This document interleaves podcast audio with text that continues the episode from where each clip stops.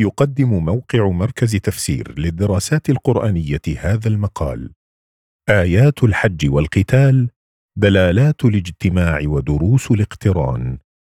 للكاتب خليل اليماني. وتدور هذه المقالة حول لا يخفى على متأمل لحديث القرآن عن الحج هذا الاقتران الواضح بين آيات الحج وآيات القتال في سورتي البقرة والحج. وهو أمر لا يخلو من دلالة ويشي بوجود علاقة بين الحج والقتال.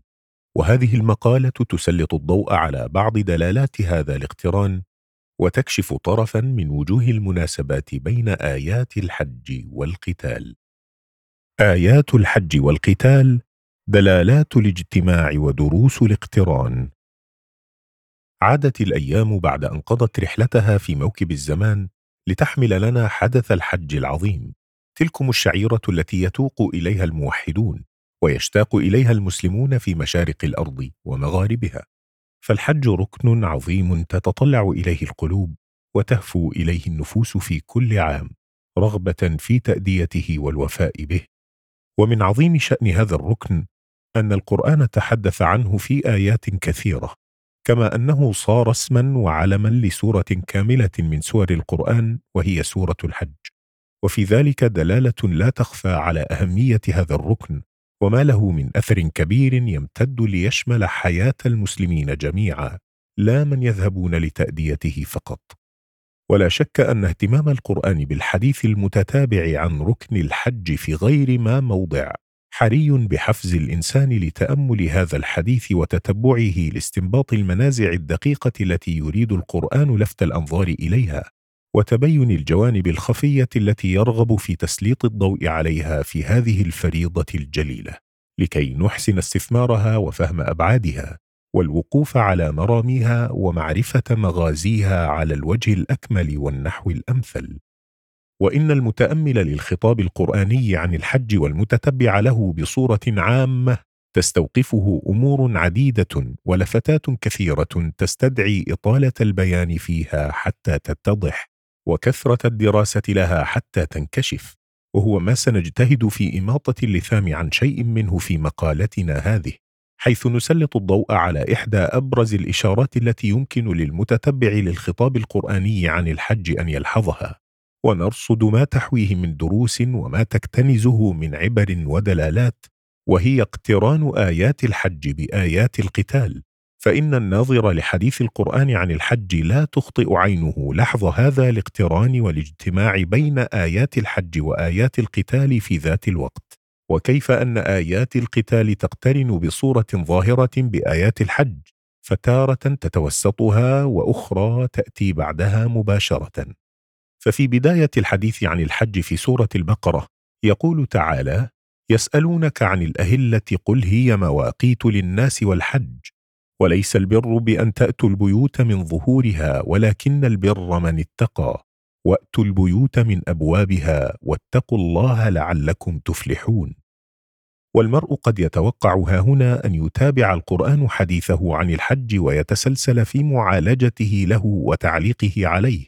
إلا أن سياق الآيات لا يستمر مع الحج وإنما يتحول ليتحدث عن القتال في عدد من الآيات حيث يقول القرآن بعد ذلك مباشرة وقاتلوا في سبيل الله الذين يقاتلونكم ولا تعتدوا إن الله لا يحب المعتدين واقتلوهم حيث ثقفتموهم وأخرجوهم من حيث أخرجوكم والفتنة أشد من القتل ولا تقاتلوهم عند المسجد الحرام حتى يقاتلوكم فيه.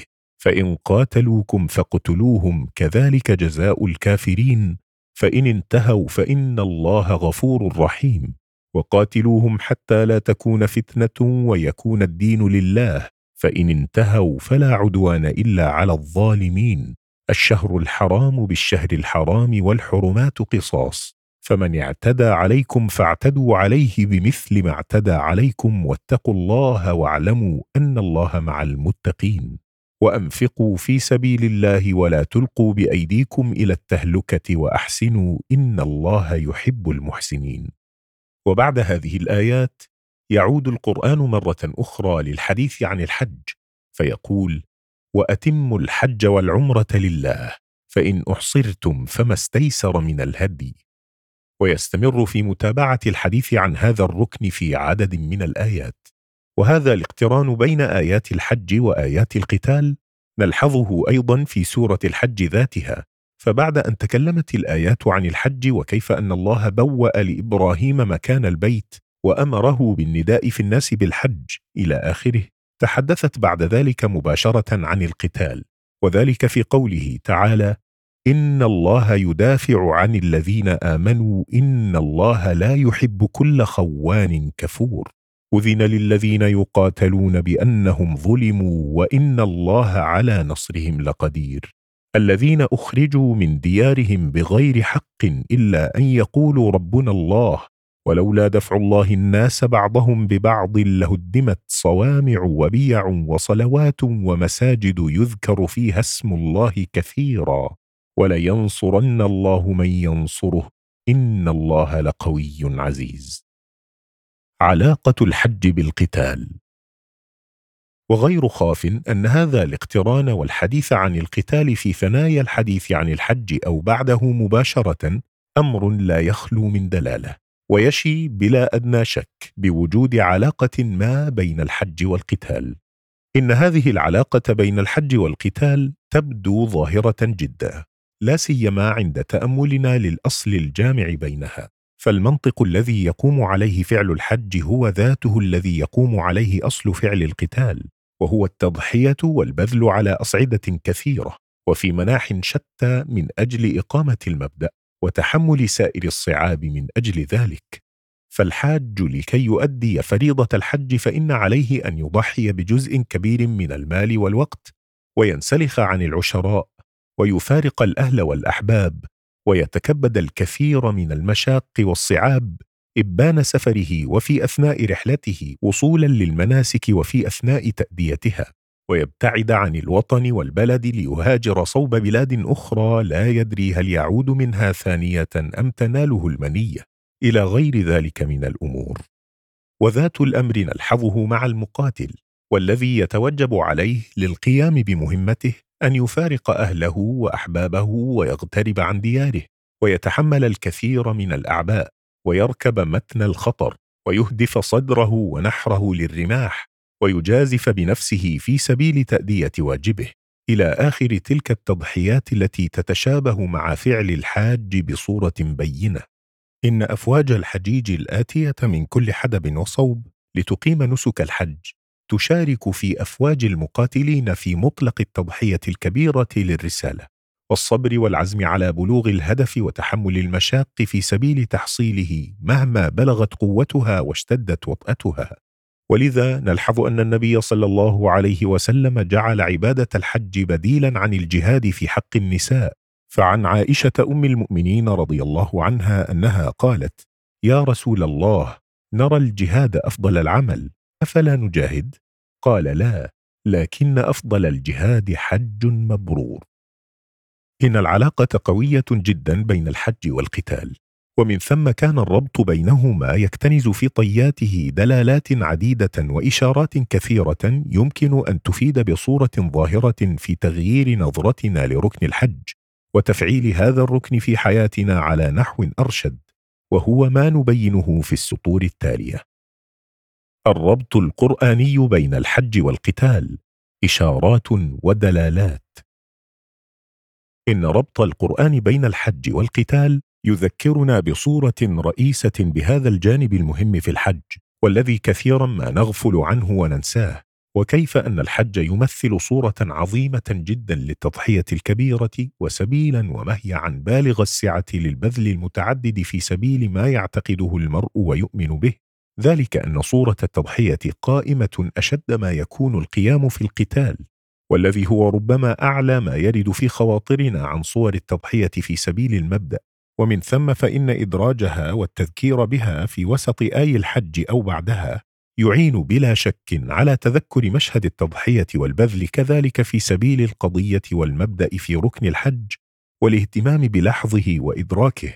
وهو الأمر الذي لو تأملناه حق تأمله لوجدنا الحج بهذه الصورة بمثابة تدريب عظيم للأمة والمجتمع على التضحية في سبيل رسالتها. وهو أمر لا تخفى أهميته في سبيل حفظ الدين والعمل على توطيد دعائمه وترسيخ أركانه في مختلف الميادين. إن أداء الحج يستلزم تضحية وبذلا وجهدا كبيرا كما مر وهو ما يوطد شعور التضحية عند الحاج بشكل عام ويركزه في أعماقه ليحيا به بقية حياته ويستأنف به ما بقي من رحلته في الحياة. ولا يتوقف هذا الأمر وتجديد حس الجندية والتضحية لخدمة الرسالة عند الحجيج فحسب بل إنه أمر يتعلق بالعالم الإسلامي بأسره فالحج حدث عام يشغل سائر البلاد كما نعلم. ولذا فإن مجرد رؤية المسلمين ممن لم يشاركوا في الحج لهذه الجموع الغفيرة القادمة من كل حدب وصوب والتي تضحي بكل ما نعلمه من تضحيات لإقامة أحد أركان الدين يعد داعية كبيرة لتذكيرهم وحفز الشعور بوجوب التضحية لنصرة الرسالة في نفوسهم وحثهم على المشاركة في ذلك والانخراط فيه كل بحسب ما أوتي من وسائل وأسباب وما تيسر له من إمكانات وطاقات. إن الحج بهذه المثابة مدرسة كبيرة تعين على صناعة المجتمع والإنسان الذي يحيا لدينه وينفعل برسالته ويجاهد من أجل إقامتها ويبذل في سبيل رفعتها الغالي والثمين ويجود من أجل ازدهارها بالنفس والنفيس. إنه مختبر كبير لتفريخ الشعور بالمسؤولية عن الرسالة في نفوس المسلمين وبث ضرورة حمل همها في عقولهم وقلوبهم. إنه أداة عظيمة لحفز الهمة في القلوب ودفعها نحو فعل وحركة تنعكس بالإيجاب على خدمة الرسالة ونفعها. ولا شك أن توطيد الحج لحس التضحية في نفوس المسلمين بهذه الصورة يبين لنا إلى أي مدى يمكن لهذا الركن أن يكون أداة عظيمة في تحريك المجتمع بأسره نحو النهوض برسالته. وذلك من خلال ما يبثه في الأفراد من رغبة صادقة في التضحية والبذل لخدمة ما يعتقدون. وكذا ما يستثيره في نفوسهم من كونهم أجنادا حقيقيين لما يؤمنون به. وكيف أن عليهم أن يكونوا حراسا له وسدنة لقيمه وخداما لوصاياه وتعاليمه. إن المبدأ لكي يحيا وتنداح دائرته. والقضية لكي تستمر ويتسع مداها فلا بد لمعتنقيها أن يكونوا في رباط دائم وجهد دائب لخدمتها ونصرتها في مختلف الميادين وشتى الساحات. وهو ما لا يتيسر إلا بالحفز الدائم لحس التضحية في النفوس من أجل إعلاء هذه القضية وذلكم المبدأ. ولذا فإن الحج عبر ما يثيره في النفوس وما يؤججه في الصدور من مشاعر ضرورة التضحية في سبيل الرسالة فإنه يكون بذلك أداة فاعلة وناجعة ومؤثرة بصورة مذهلة في الدفع الدائم بالمجتمع نحو النهوض برسالته والسعي لرفعتها. إن الإنسان كثيرا ما ينشغل بواقعه وهمومه الخاصة ويذهل عن مسؤوليته عن الرسالة التي ينتمي إليها وما تحتاجه من بذل كبير وتضحية عظيمة حتى تقام بين العالمين.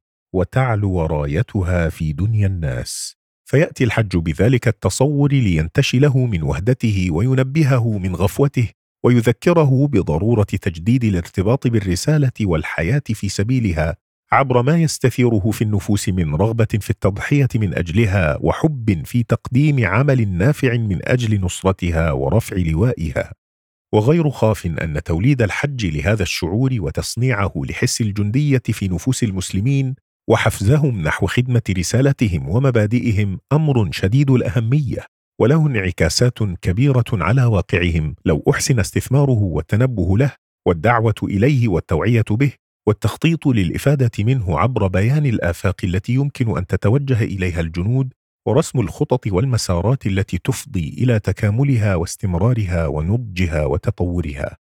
وجدير بالنظر أن تغير طرائق السفر الحالية عن صورتها في الزمن الماضي وقدر الراحة والرفاهية التي يحظى بها الحاج في رحلته ربما كان لها بالغ الأثر في فقد إحساسنا بجانب التضحية في ركن الحج والتي كانت قديما قد تصل حرفيا للتضحية بالنفس ذاتها في ضوء مشقات السفر في الصحاري والقفار والتعرض لقطاع الطرق وغير ذلك.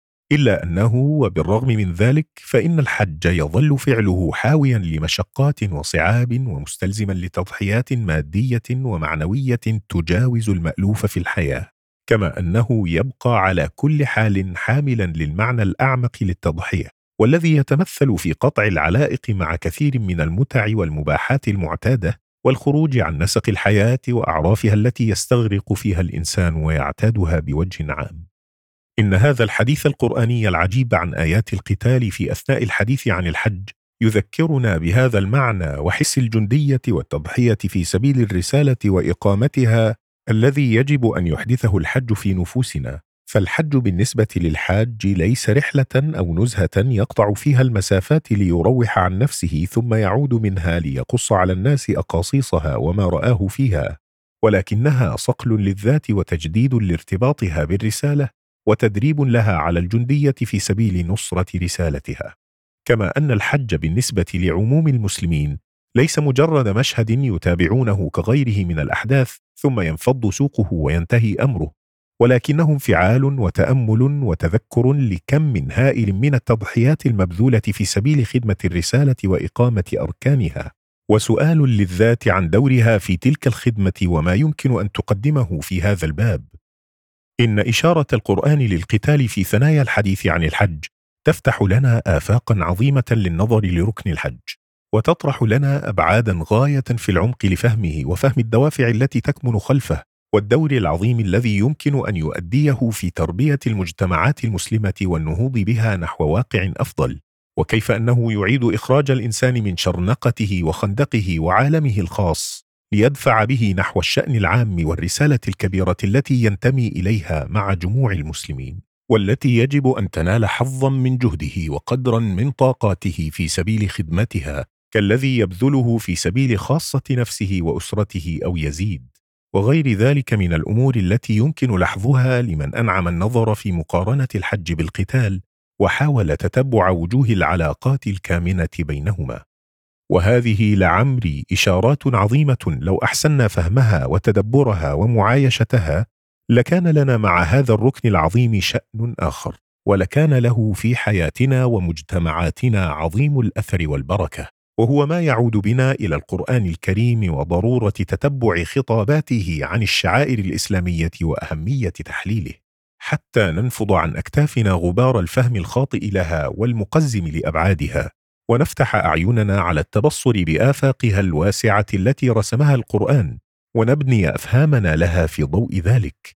ومن ثم نحسن تجديد الدعوة إليها في الواقع ونتمكن من جني ثمراتها في نفوسنا وحسن الإفادة من بركاتها ونفعها في إصلاح المجتمع والخطو به إلى العلياء والدفع به نحو الخير والرشاد. لا سيما وأن المجتمع يرتبط أشد الارتباط بهذه الشعائر ويؤديها ليل نهار وصباح مساء. ولذا فإن تجديد معانيها ومضامينها في النفوس وتكبير مرآة النظر إليها وفتح الأذهان على طاقاتها الخلاقة وإمكاناتها المذهلة في النهوض بالمجتمع في ضوء ما نلتقطه من مثل هذه الإشارات القرآنية وغير ذلك هو تجديد عظيم للدين وتفعيل كبير لآثاره في النفوس وإحياء ضخم للمجتمع بأسره والذي يمكن الخطو إليه بسهولة ويسر. كونه لا يتأتى عبر تنظير مجرد يستعصي هضمه على شرائح عديدة وإنما يمر من خلال بوابة الطقوس والشعائر والممارسات التعبدية التي لا ينفك عنها كل مسلم. استمعتم لمقال آيات الحج والقتال دلالات الاجتماع ودروس الاقتران للكاتب خليل اليماني.